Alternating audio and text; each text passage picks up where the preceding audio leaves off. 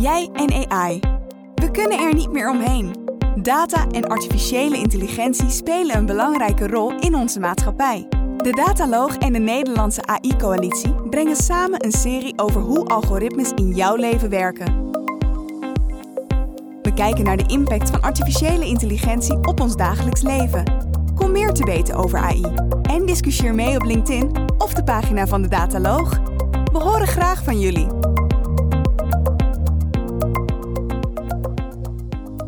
Ja, jij en AI, dan zeg je eigenlijk ook al mee, jij en privacy. Maar hoe gebruiken algoritmes jouw data? En data en privacy staan dagelijks besproken in het nieuws. Zowel positief als negatief, zowel uit mogelijkheden als uit angst.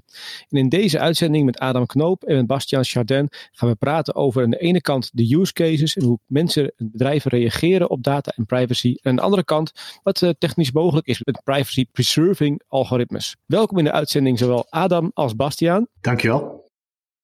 Ja, privacy en, uh, en AI, die zijn natuurlijk mannen uit de praktijk. Bij Hot Item Future Facts. Dus jullie krijgen dagelijks te maken met als het gaat om, uh, om privacy en vraagstukken van, van klanten. En jullie kennen natuurlijk ook vanuit jullie organisaties ook wel de vraagstukken uit de maatschappelijke context. Dus mijn eerste vraag aan jou, Adam, is eigenlijk ja, de zorgen die er bij de mensen leven als het gaat om privacy en data. Wat is nou eigenlijk groter? De zorgen over het probleem of het probleem zelf? Zo, dat is een, uh, een vraag. Nou, ik vrees uh, dat de zorgen niet groot genoeg zijn. Ik denk dat er uh, dat mensen onderschatten uh, hoe groot het privacyprobleem is. Ik denk zelf dat, nou ja, twintig jaar geleden uh, waren we echt aan het nadenken hoe, hoe je ethisch om moet gaan met data. En terecht ook. maar het was ook een beetje een theoretische exercitie. En op dit moment is het zo dat ja, je eigenlijk alles al van iedereen kan weten. En uh, je, ziet ook dat zelfs, uh, nou ja, dat heeft dan zijn positieve kanten, maar dat uh, criminelen niet veilig zijn in hun versleutelde communicatie. Maar je ziet ook dat heel veel instanties heel veel dingen van je weten en daar ook onbedoeld verkeerd mee omgaan. Kijk naar de Belastingdienst. En uh, ik denk dat in, in, dit geval kun je nog zeggen dat de bedoeling ook niet goed was. Want er werd gezegd, ja, we moeten kosten wat kost. Uh, fraude voorkomen is natuurlijk een goed doel. Het punt wat ik vind is, je moet ook nadenken over wat er mis kan gaan. En als je daar goed over nadenkt, ja, dan, dan, dan zorg je voor balans. Maar mensen onderschatten het gigantisch. En vanuit technisch perspectief, eh, Bastiaan, jij bent natuurlijk meer technische man achter de Future Facts. Hoe zie jij dat? Wat is een groter, het probleem of de zorgen bij de mensen? Ik denk dat de zorgen ook deels terecht zijn natuurlijk. Hè? Op dit moment zijn organisaties ook een stuk volwassener in het omgaan met data. En daar zie je ook wel uh, op het gebied van data governance en dergelijke, daar wel uh, meters gemaakt zijn. Maar als het gaat echt om algoritmes en AI, dan hebben we echt nog heel wat meters te maken. Bedoel je dan dat, dat mensen nog moeten leren om, om die AI in te zetten? Of bedoel je dat er beter nagedacht moet worden over de privacy uh, uh, van algoritmes? Ik denk beide. Er zijn best wat mooie ontwikkelingen op het gebied van privacy preserving AI en machine learning. Uh, daarnaast zie je dat er wel een gebrek is aan awareness bij organisaties van mogelijke effecten op mensen en maatschappij van, van algoritmes. Ik vind het zelf uh, vaak nog behoorlijk naïef allemaal. Het idee bij heel veel mensen is, weet je, ja, ik, ik doe niks verkeerds met die data, dus ja, wat kan er eigenlijk misgaan? En uh, juist die manier van denken, die vind ik funest. Uh, omdat je moet niet alleen nadenken wat jij met die data zou willen doen, of dat wel of niet goed is, maar wat er mis mee kan gaan. En uh, ik denk dat dat heel erg onderschat wordt. Want zeg je daarmee, Adam, dat je, jij, zit natuurlijk met, jij praat met klanten, potentiële klanten van jullie bedrijf. Zeg je daarmee dat de volwassenheid bij die bedrijven minimaal is als het gaat om uh, data science projecten en daarmee de privacy concerns? Ik denk dat het heel erg wisselt per organisatie of per branche, zou je zelfs kunnen zeggen. Bijvoorbeeld de zorgbranche die is doorgaans best ver. Dat, dat, dat is ook logisch, hè? Dat, dat, vindt iedereen ook gevoelige informatie. Maar bij anderen uh, zit, het, zit het veel meer op van, uh, nou ja, uh, soms zijn, zijn mensen nog beginnend met waarde uit data halen. Nou, dan, is het, dan wordt er helemaal niet over nagedacht wat er mis zou kunnen gaan. En sommigen zitten gewoon blind van, ja, alles, bijvoorbeeld in de marketingwereld, is men erg alles wat je met data doet is goed en je moet alles van iedereen weten omdat de wereld dan beter wordt. Nou, dat, dat, is, uh, dat is, dan zijn ze misschien wel heel erg volwassen op het gebied van waarde uit data halen, maar niet op uh, ethisch toepassen. En ik denk ook uh, uiteindelijk dat ze zich daar zelf daarmee in de vingers snijden, omdat de klant, dat gaat, gaat, gaat zich tegen mensen keren. Dat merk je dus ook in de gesprekken die je met potentiële klanten hebt als jij daar aan tafel zit. Wisselend, ja. Sommige mensen die het zelf al gelukkig ook nadenken van ja, we moeten ook nadenken wat wel en niet mag. En dan soms wordt er gezegd ja, dat mag niet van de wet. En dat is dan de reden. Ik vind zelf, die wet is een kader en daar moet je zeker aan houden. Alhoewel, aan de andere kant, uh, niemand houdt zich 100% aan de wet. Hè? Dat is dan ook weer aan de andere kant. Maar veel belangrijker is, denk erover na uh, wat jij met die data wil en kan. En wat, uh, ja, wat een goed gebruik. Dat is, dat is dan een begrip, hè? wat is goed. Maar denk er in ieder geval over na. En, en dat wisselt erg. En sommige organisaties die ik tegenkom, die, uh, die denken er helemaal niet over na. Dat is natuurlijk uit de, de scope van, eh, van hoe een organisatie zou mogen werken. Je, je, hebt nu de zorg genoemd, je hebt de telco's genoemd. Ik zie Amsterdam als een van de voorlopers als het gaat om een algoritmeregister en hoe ze omgaan met, met data. Is dat ook een voorloper in de, in de markt als het ware? De gemeente Amsterdam heeft een aantal dingen echt goed geregeld. Privacycommissie vind ik echt goed. Op sommige dingen zijn ze echt wel goed bezig. Maar ook Amsterdam heeft wel een paar missers gemaakt. Je, je ziet bij alle organisaties en overheden zijn daar uh, niet, niet vreemd in. Als er een bepaalde wind waait en een bepaald doel gehaald moet worden, dan is men wel eens geneigd om dat doel als heilig te beschouwen. Denk aan dingen als coronabestrijding, terrorismebestrijding, fraudebestrijding. En dan schiet men door. En daar heb je wetten voor, maar daar heb je ook, als het goed is, denk je zelf ook ethisch na over wat je vindt dat je met die data kan doen. Je hebt dus bias, noemde je, noemde je het net eventjes privacy. Bastiaan, jij bent de professional als het gaat om de, om de, algoritmes. Als de aanleiding van een project al een bias heeft, hè, dus denk aan uh, terrorismebestrijding, dat is natuurlijk al een gebiased project, of uh, coronabestrijding misschien in zekere zin ook. Hoe kun je dan met data science die bias eruit halen en is dat dan wel nodig? Je zal inderdaad zien, hè, naarmate we steeds meer AI en machine learning in de maatschappij gaan gebruiken, dat dat het steeds belangrijker wordt dat, dat we als organisaties en bedrijven, maar ook als data scientists en participants in, uh, in organisaties, dat we ons veel meer bewust zijn van, van de, de impact die een algoritme kan hebben. En uh, waar ik eigenlijk voor pleit is toch dat, dat we voor privacy hebben best wel nu iets van privacy officers en, data governance boards en dergelijke. Ja, ik pleit er echt voor dat daar gewoon iemand bij komt die vanuit een AI-ML-perspectief op ethisch vlak iets kan zeggen. Ik denk dat daarmee begint. Hoe bedoel je dat dan, Bastiaan? Dat je vanuit ethisch ML-perspectief, dat, is, dat lijkt me een complex perspectief. Is, uh, is dat zo? Als je naar data governance kijkt en de processen eromheen, heb je aan de ene kant de data, privacy, quality, dat soort, dat soort issues. Aan de andere kant heb je algorithms en die vragen een eigen benadering en een specifiek kennisgebied om daar iets over te kunnen zeggen. Ik pleit ervoor dat er ook echt iemand deelneemt aan zo'n uh, aan die gesprekken in, in data governance boards bijvoorbeeld. Om, uh, om ook de impact op mensen en maatschappij van mogelijke data science en machine learning projecten, om daar uh, de impact daarvan in te schatten. Ik denk dat daarmee begint. Als je me dan technisch vraagt van ja, wat, wat, wat zou je nou kunnen doen? Hè? Dus er zijn best wel wat voorbeelden, bijvoorbeeld bij, bij Amazon, waar ze een soort hiring screening algoritme hebben gebruikt. Waar vervolgens alleen maar blanke mannen met uh, Princeton en Harvard uh, degrees uitkwamen. Ja, terwijl het opgezet was om juist uh, die bias eruit te halen. Ja, ja, ja, Dus het doel was juist die bias eruit halen. En dan zie je dat je door data te gebruiken, er eigenlijk alleen maar snel richting vooroordelen gaat. Ja, klopt. Even voor, voor iedereen's beeld. Er was een, een dataset met mensen die bij Amazon werkten. Dat waren voornamelijk de, de, de, witte blanke man, hoog opgeleid van een goede universiteit. En op basis daarvan werd er een voorspelling gedaan van werden of mensen wel of niet geschikt zijn bij Amazon te werken. En dan praat je eigenlijk over een unbalanced subset noemen we dat. Hè? Dat je een, al een ongebalanceerde set hebt van items in je dataset. Laten we zeggen 1% vrouw en 99% man. Waardoor je algoritme ook een voorkeur heeft voor de grote groep in plaats van de kleine groep. Klopt dat, Bastiaan? Ja, zeker. En, en, dat probleem ontstaat eigenlijk al bij de datacollectiefase. Dus, dus als je start met een, met een machine learning traject, dan heb je natuurlijk uh, training data nodig om je algoritme op uh, te ontwikkelen. Ja, vaak zie je in die fase al dingen misgaan. Het is dan echt belangrijk om bij aanvang van zo'n traject al te zorgen voor de juiste gebalanceerde trainingdata. Daar begint het mee.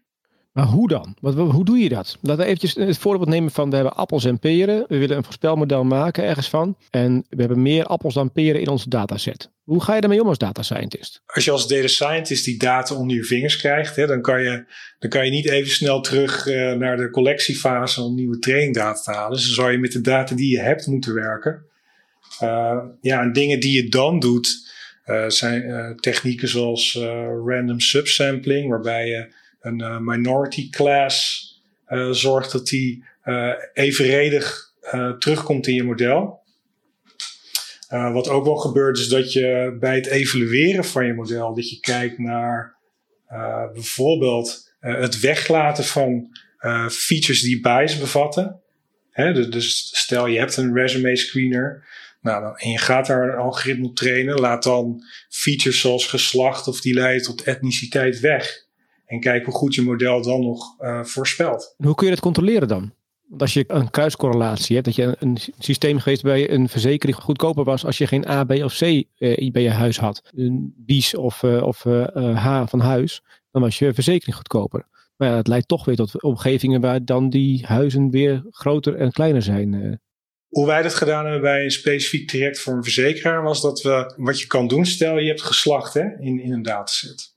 Wat je dan kan doen, is je neemt geslacht als je target variabel hè, en dan ga je vervolgens een model daarop trainen en daarvan kijken naar uh, mogelijke correlaties inderdaad en, en bijdrage van andere features op geslacht. En dan kan je inderdaad latente variabelen die daar sterk mee gecorreleerd zijn, die heb je dan in beeld en die kan je dan weglaten. Hoe, hoe controleer je dat het een latente variabele is? Even voor de, voor de kenners of voor de niet-kenners eigenlijk? Daar zijn heel veel verschillende manieren voor. Maar in principe in een, in een machine learning project is het voldoende als je bijvoorbeeld een uh, decision tree zou nemen of een random forest.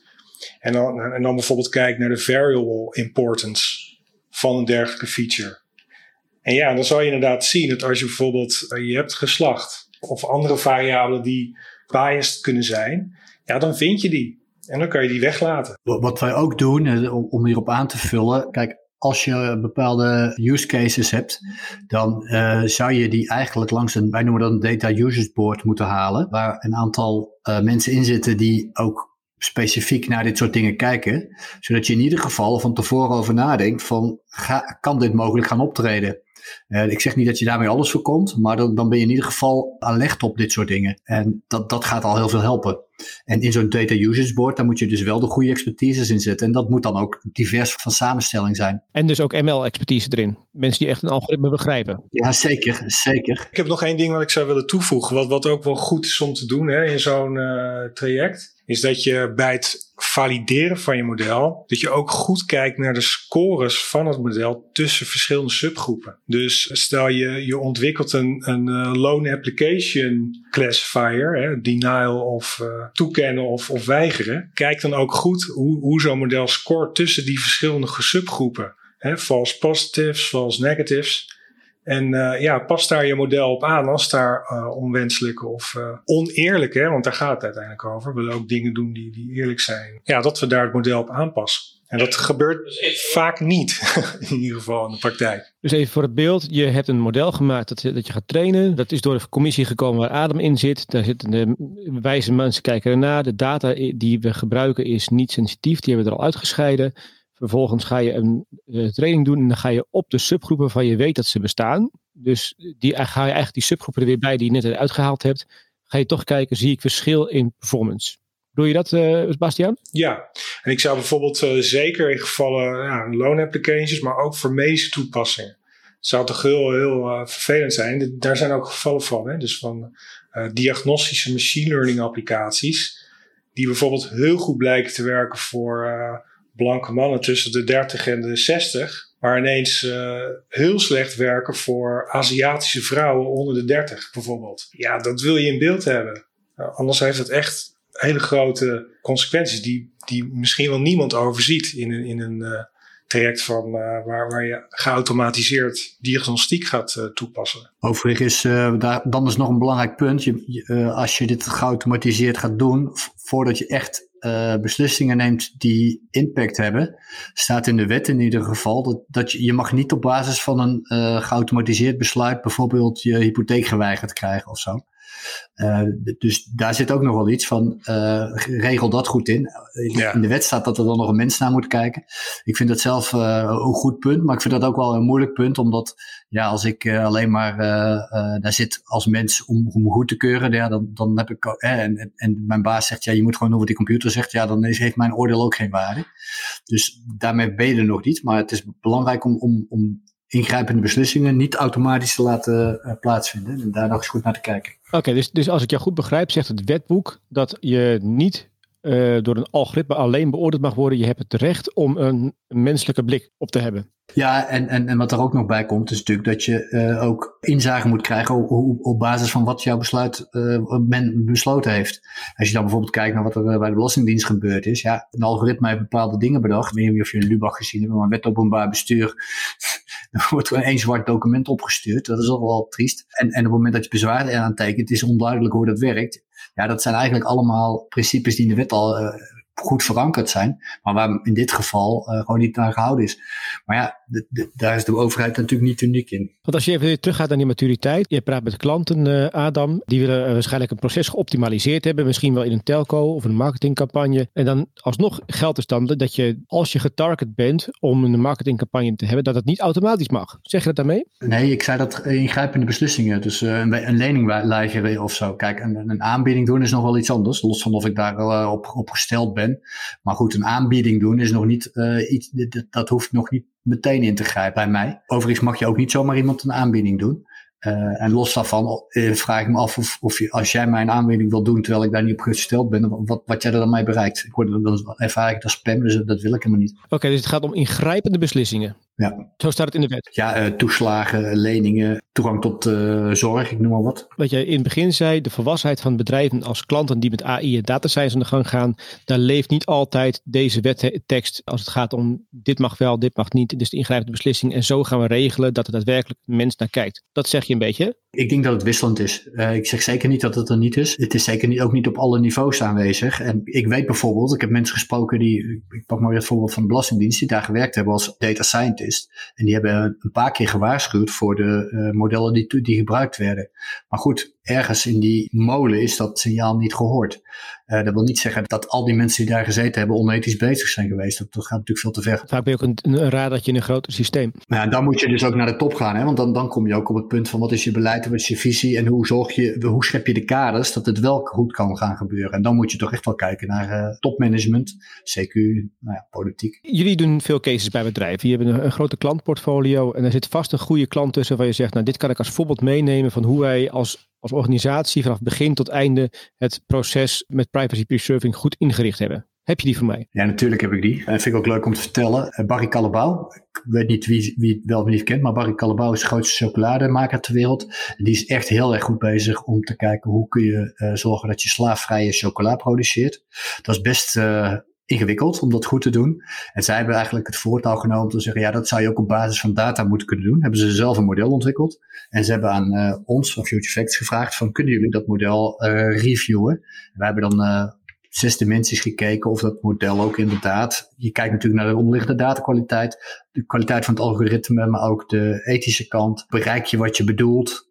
zit er bias in? Nou, ik noem maar even een paar punten. En even voor een beeld, Barry Callebaut is niet Tony Chocoloni, toch? Nee, maar Tony Chocoloni neemt wel de chocolade van Barry Callebaut af. En Barry Callebaut kwam dus bij jullie, met we hebben een model gemaakt. Kun je dat reviewen op privacy preserving? En op ethische verantwoording. Ja, eigenlijk of het een goed model was. Dus dat, en, en dan kijk je of het doet wat je verwacht dat het doet. Maar ook of het ethisch uh, klopt. Of de datakwaliteit goed is. Maar ook of het efficiënt is. Is het een goed model. En je zegt daarmee volgens mij dat ze hetzelfde het model al gemaakt hadden. En zelf die beslissingen al gemaakt hadden om het op de, op de juiste manier te doen. Klopt dat? Ja, we hebben, in dit geval hebben we de review van het model gedaan. Overigens heeft dat er wel toe geleid dat het model aangescherpt is. Kun je ons meenemen in, in zo'n aanscherping. En hoe zo'n conversatie gaat met een, een klant die zegt. Hey, ik heb hier een model. Ik heb het zelf gemaakt. Uh, ik denk dat ik goede beslissingen genomen heb. Future Effect, leg mij uit. Waren dit goede beslissingen? Kun je ons door het proces heen, uh, heen lopen, hoe dat werkt? Ja, ik denk dat ik daar wel heel in, kan komen. Ik dat Bastiaan mij wel kan aanvullen. Uh, wat, ik vind dit wel een, een bijzonder geval, omdat eigenlijk vanaf het begin af aan deze klant al, vond ik, daar heel goed mee bezig was. A, het doel, slaafvrije chocola. Maar ook B, uh, bewust van, ja, er zitten beperkingen in dit model. Dus uh, ja, help ons om, om die beperkingen zo goed mogelijk ja, uh, te ondervangen. Dat is anders als het iemand zegt, ik heb het beste model van de wereld en er zit geen fout in mijn model. Dus ik vond dit, men, men was hier eigenlijk van begin af aan al mee bezig van, ja, we moeten heel goed bedacht zijn op de valkuilen. Denk van tevoren na wat er mis kan gaan. Dat is eigenlijk een beetje de boodschap die ik heb. Heb je al een paar keer gezegd. Denk van tevoren na wat er mis kan gaan. Hè? Dus denk niet vooral naar wat je kunt, kunt winnen. Ik denk niet vooral naar of hoeveel geld je kunt verdienen of besparen. Maar denk vooral naar wat what if. Het andere ook wel hoor. Denk ook wel hoe je waarde uit data kan halen. Ik ben ook niet te bescheiden erin. Er is veel meer mogelijk dan je denkt. Ga ook, niet aan, ga ook niet alleen maar zeggen ik kan niks met data doen. Want alles wat je met data doet dat is per definitie slecht voor de privacy. Want ja, daar kom je ook niet verder mee. Uh, nee, ik zorg, de balans vind ik heel belangrijk. En, en dan, dan ga je, Bastiaan, dan ga je dat zo'n model reviewen. Hoe doe je dat dan? Wat ik wel mooi vind aan het, uh, aan het traject bij Garba is toch, ja, je werkt mee aan het verhelpen van slavernij. Nou, laat, laten we dan ook zorgen dat we niet te veel roadblocks hebben. We kunnen heel, veel goede dingen bereiken met de AI. En soms kan de restricties rondom privacy en ethics zelfs een belemmering vormen. Maar dan kom je op het grijze, grijze gebied tussen terrorisme, wat heel erg is, en, en dan iedereen in een sleepwet uh, gebruik mogen maken van alle mensen hun data. Ja. Daar is natuurlijk een grijs gebied daarin. Dat sleepwetgeval, is, daar zit een moreel nog wel grotere gevolgen aan voor een veel grotere groep dan is het echt een kosten-batenanalyse. Ja. Want hoe maak je zo'n kosten-batenanalyse? Ga je lokaal naar zo'n bedrijf toe en dan ga je dan, dan langs de hele dataketen toe en kijken welke beslissingen ze gemaakt hebben? En is het dan gedocumenteerd als het goed is? Hoe moet ik het zien, eh, Bastiaan? Ja, ik gaf net al een beetje een, eh, een hint hè, daarop. Wat ik meestal doe is al bij de aanvang van zo'n van machine learning of een AI-traject meteen al uh, een, een sanity check doen van oké, wat, wat voor impact verwachten we van dit traject, van dit type model op mensen en maatschappij. En dat hoort gewoon in, in, het, in het reguliere proces thuis. Er zijn veel use cases waar, waar die impact lager is. Maar ik denk uh, vooral in de medische wereld, maar ook uh, financiële wereld bij credit scoring, uh, iemand de verzekering toekennen of niet ja, dan, dan zijn de maatschappelijke complicaties al, al snel en zichtbaar. Ja, dan is het gewoon goed om daarna te, uh, over te denken met een, met een breder team ook. Met wat voor mensen zit er in zo'n breder team dan, als je zo'n review gaat doen? Dat verschilt per organisatie. Hè. Dus als je echt in technologie om een organisatie werkt, dan is het vaak, uh, zit je toch al in een soort agile uh, organisatie. Dan praat je met product owners, met, met programma managers, met, of op een iets hoger niveau zelfs en met de data scientist en architecten. Als het gaat om openbaar bestuur, ja, dan kom je echt met beleidsmakers uh, en dergelijke in aanraking. En uh, ja, volgens mij is daar ook nog heel wat uh, te doen. Dan hebben we dus de, de, de review. Zit er nog punten die in de ADAP die ik in de review nog vergeten ben? Ik denk dat we de belangrijkste dingen wel gehad hebben. We hebben datacollectie natuurlijk. Het algoritme is belangrijk. En wat doe je dan vervolgens met die resultaten? Ik denk dat je dan de belangrijkste dingen gehad hebt. Is het een gestandardiseerd document? Is het een score die je meegeeft? Uh, is het een, een adviesrapport? Hoe moet je dat zien? Als je je, als je, je, je, privacy preserving algoritmes wilt checken bij jullie. Nou ja, ik denk dat, dat we eerst gaan kijken van waar zitten de belangrijkste voetangels. Je ene keer zoom je meer in op datakwaliteit, omdat dat uh, gammel is en dat je daar iets op moet doen. Of er zit in de data uh, zitten zit allerlei vooroordelen. De andere keer uh, zie je juist dat het algoritme heel, belangrijke aandacht verdient. Of de andere kant, wat ga je doen met die data? Dus het is, het is ook gewoon per keer bekijken wat er, wat echt, echt heel erg belangrijk is. Dan wil ik de stap maken naar de algoritmes zelf. Want volgens mij is het een tendens dat tegenwoordig algoritmes zelf al in staat zijn om privacy preserving te werken. Klopt dat, uh, Bastiaan? Algoritmes zelf zijn niet per definitie. Daar is het niet altijd mogelijk om daar op dat level uh, al uh, privacy preservation te garanderen. Maar er is wel steeds meer mogelijk. Een aantal voorbeelden.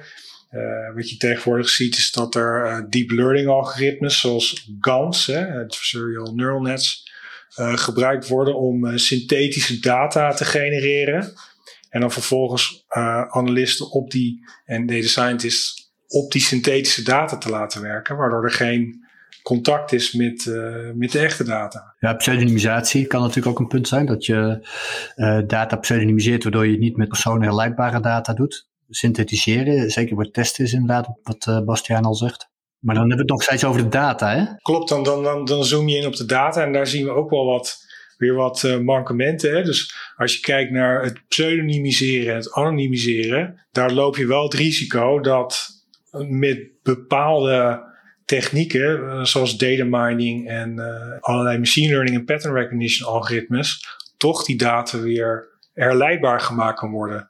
Een, een linkage attack wordt het ook wel genoemd. Dus daarom zie je ook dat, dat pseudonymiseren en anonymiseren niet altijd foolproof zijn. Wat ik een hele mooie ontwikkeling vind op dit moment is uh, een techniek die heet federated learning. het model wordt getraind op het device. Zodra het device even offline is of geüpdate wordt, wordt het model verzonden naar de, naar de cloud. En in de cloud wordt er een weighted sum average gemaakt van alle, van alle devices. En dan komt daar een soort ja, geaggregeerd model uit. Die vervolgens weer gedistribueerd wordt over al die devices. En zo trainen we al elkaars modellen. En worden die applicaties steeds beter. Met tegelijkertijd ook uh, de privacy gegarandeerd van de gebruiker.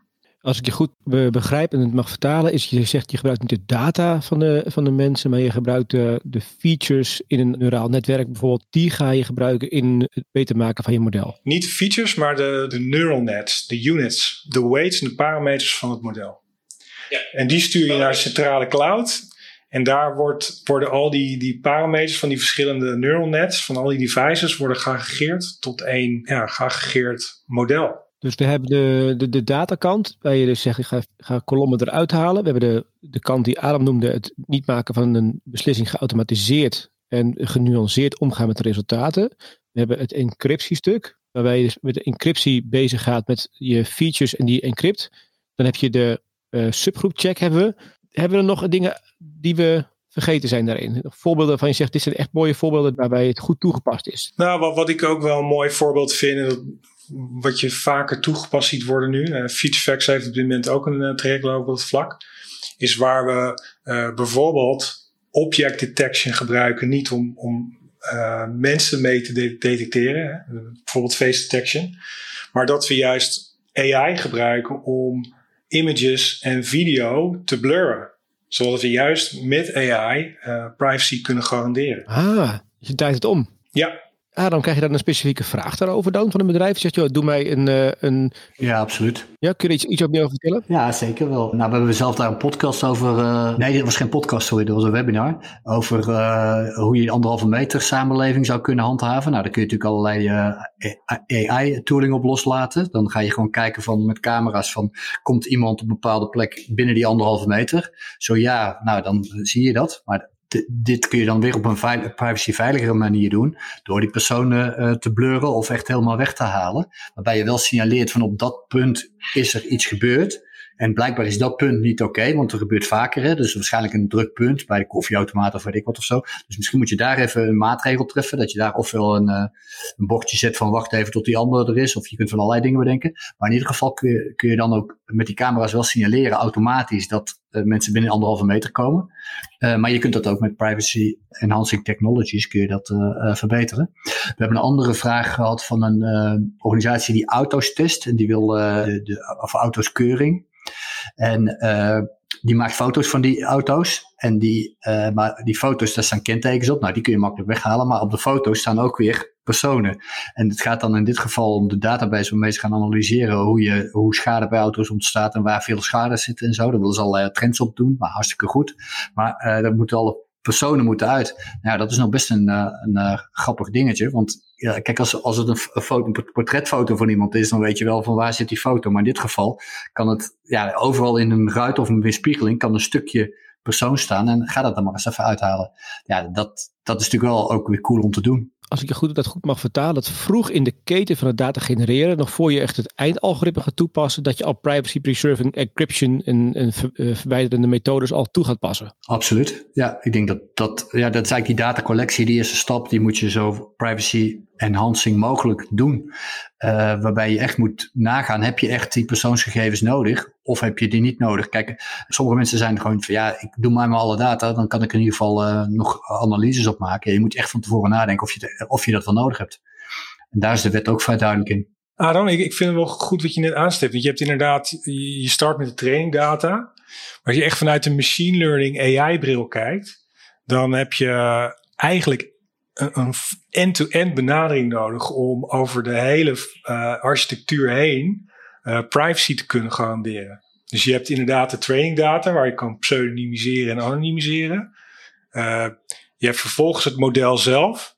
En daar zien we ook voorbeelden van dat ook al is een model getraind op private data, kunnen nog steeds die, die, die weights en die units in een neural network gevoelige data bevatten. Zoals er bijvoorbeeld een keer een ongeluk gebeurt met, met, een, met een chatbot waar ineens creditcardnummers werden onthouden. Uh, dus daar zie je ook uitdagingen. Vervolgens heb je het model in productie, in een, in een applicatie. En daar, moeten weer, uh, daar moet data naartoe gestuurd worden om die predicties op te gaan halen. En ook in die data naar dat, uh, naar dat model toe en terug. Daar zal ook weer een, een privacy uitdaging kunnen leven.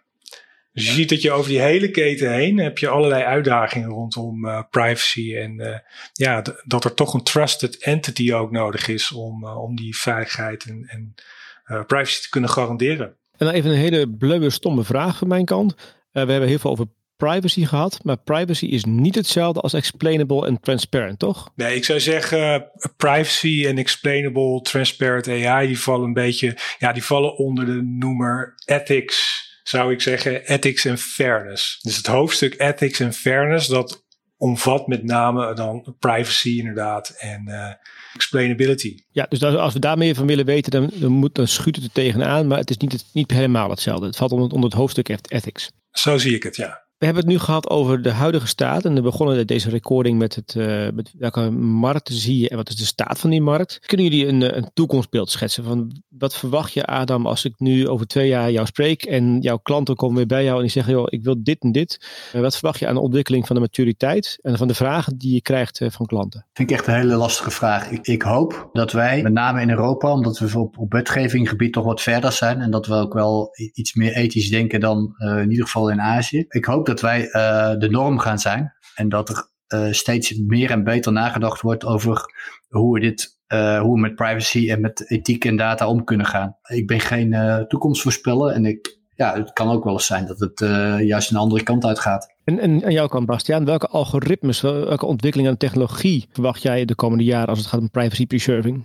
Ik, ik heb hoge verwachtingen. Ik zie op het, op het vlak van explainable AI snelle ontwikkeling op dit moment echt uh, heel indrukwekkend, uh, indrukwekkende dingen ook met uh, complexe deep learning algoritmes die toch explainable gemaakt worden, ondanks dat ze miljoenen parameters bevatten. Ehm, daar ben ik heel hoop, hoopvol in. Ehm, je ziet ook op het gebied van privacy preserving AI en machine learning, zie je toch ook wel de grotere cloud vendors dat die al de eerste diensten aan het aanbieden zijn. Uh, zo heeft Google al een aantal applicaties um, in productie die dat, federated learning wat ik net noemde, hè, dus het trainen op je device, private en dan in de central cloud uh, deployen, dat, dat, dat doen ze heel goed. Uh, je ziet ook een aantal stappen bij Amazon. Die hebben, die hebben een algoritme beschikbaar waar inderdaad uh, ja, end-to-end privacy gegarandeerd wordt. Dus die hele keten, hè? dus vanaf training data tot aan predictie aan toe. IBM is ook heel goed bezig op dat vlak. In de open source community is, is er nu ook een library, de PySift. En daar wordt heel erg ja, op, privacy preserving machine learning algoritmes ingezet. Je ziet ook in de, de open source community goede algoritmes die al bij het trainen en het ontwikkelen van het model rekening houden met bias en fairness. Dus ik, ben, ik ben hoopvol. Het gaat niet zo snel als je zou willen. Maar de ontwikkelingen zijn daar. En ik, ik, heb, ik heb er zelf vertrouwen in dat we over een paar jaar echt wel privacy kunnen gaan garanderen aan gebruikers. Veel beter dan wat we dat nu kunnen. Kijk, uiteindelijk zie je dat organisaties die vertrouwen beter voor elkaar hebben, dat die gewoon lange termijn klantrelaties aangaan, dat ze meer waarde kunnen creëren, meer ja, gewoon het beter doen. En ik denk dat privacy echt een uh, manier kan zijn om ook meer beter vertrouwen te krijgen bij je klanten, bij je uh, achterban.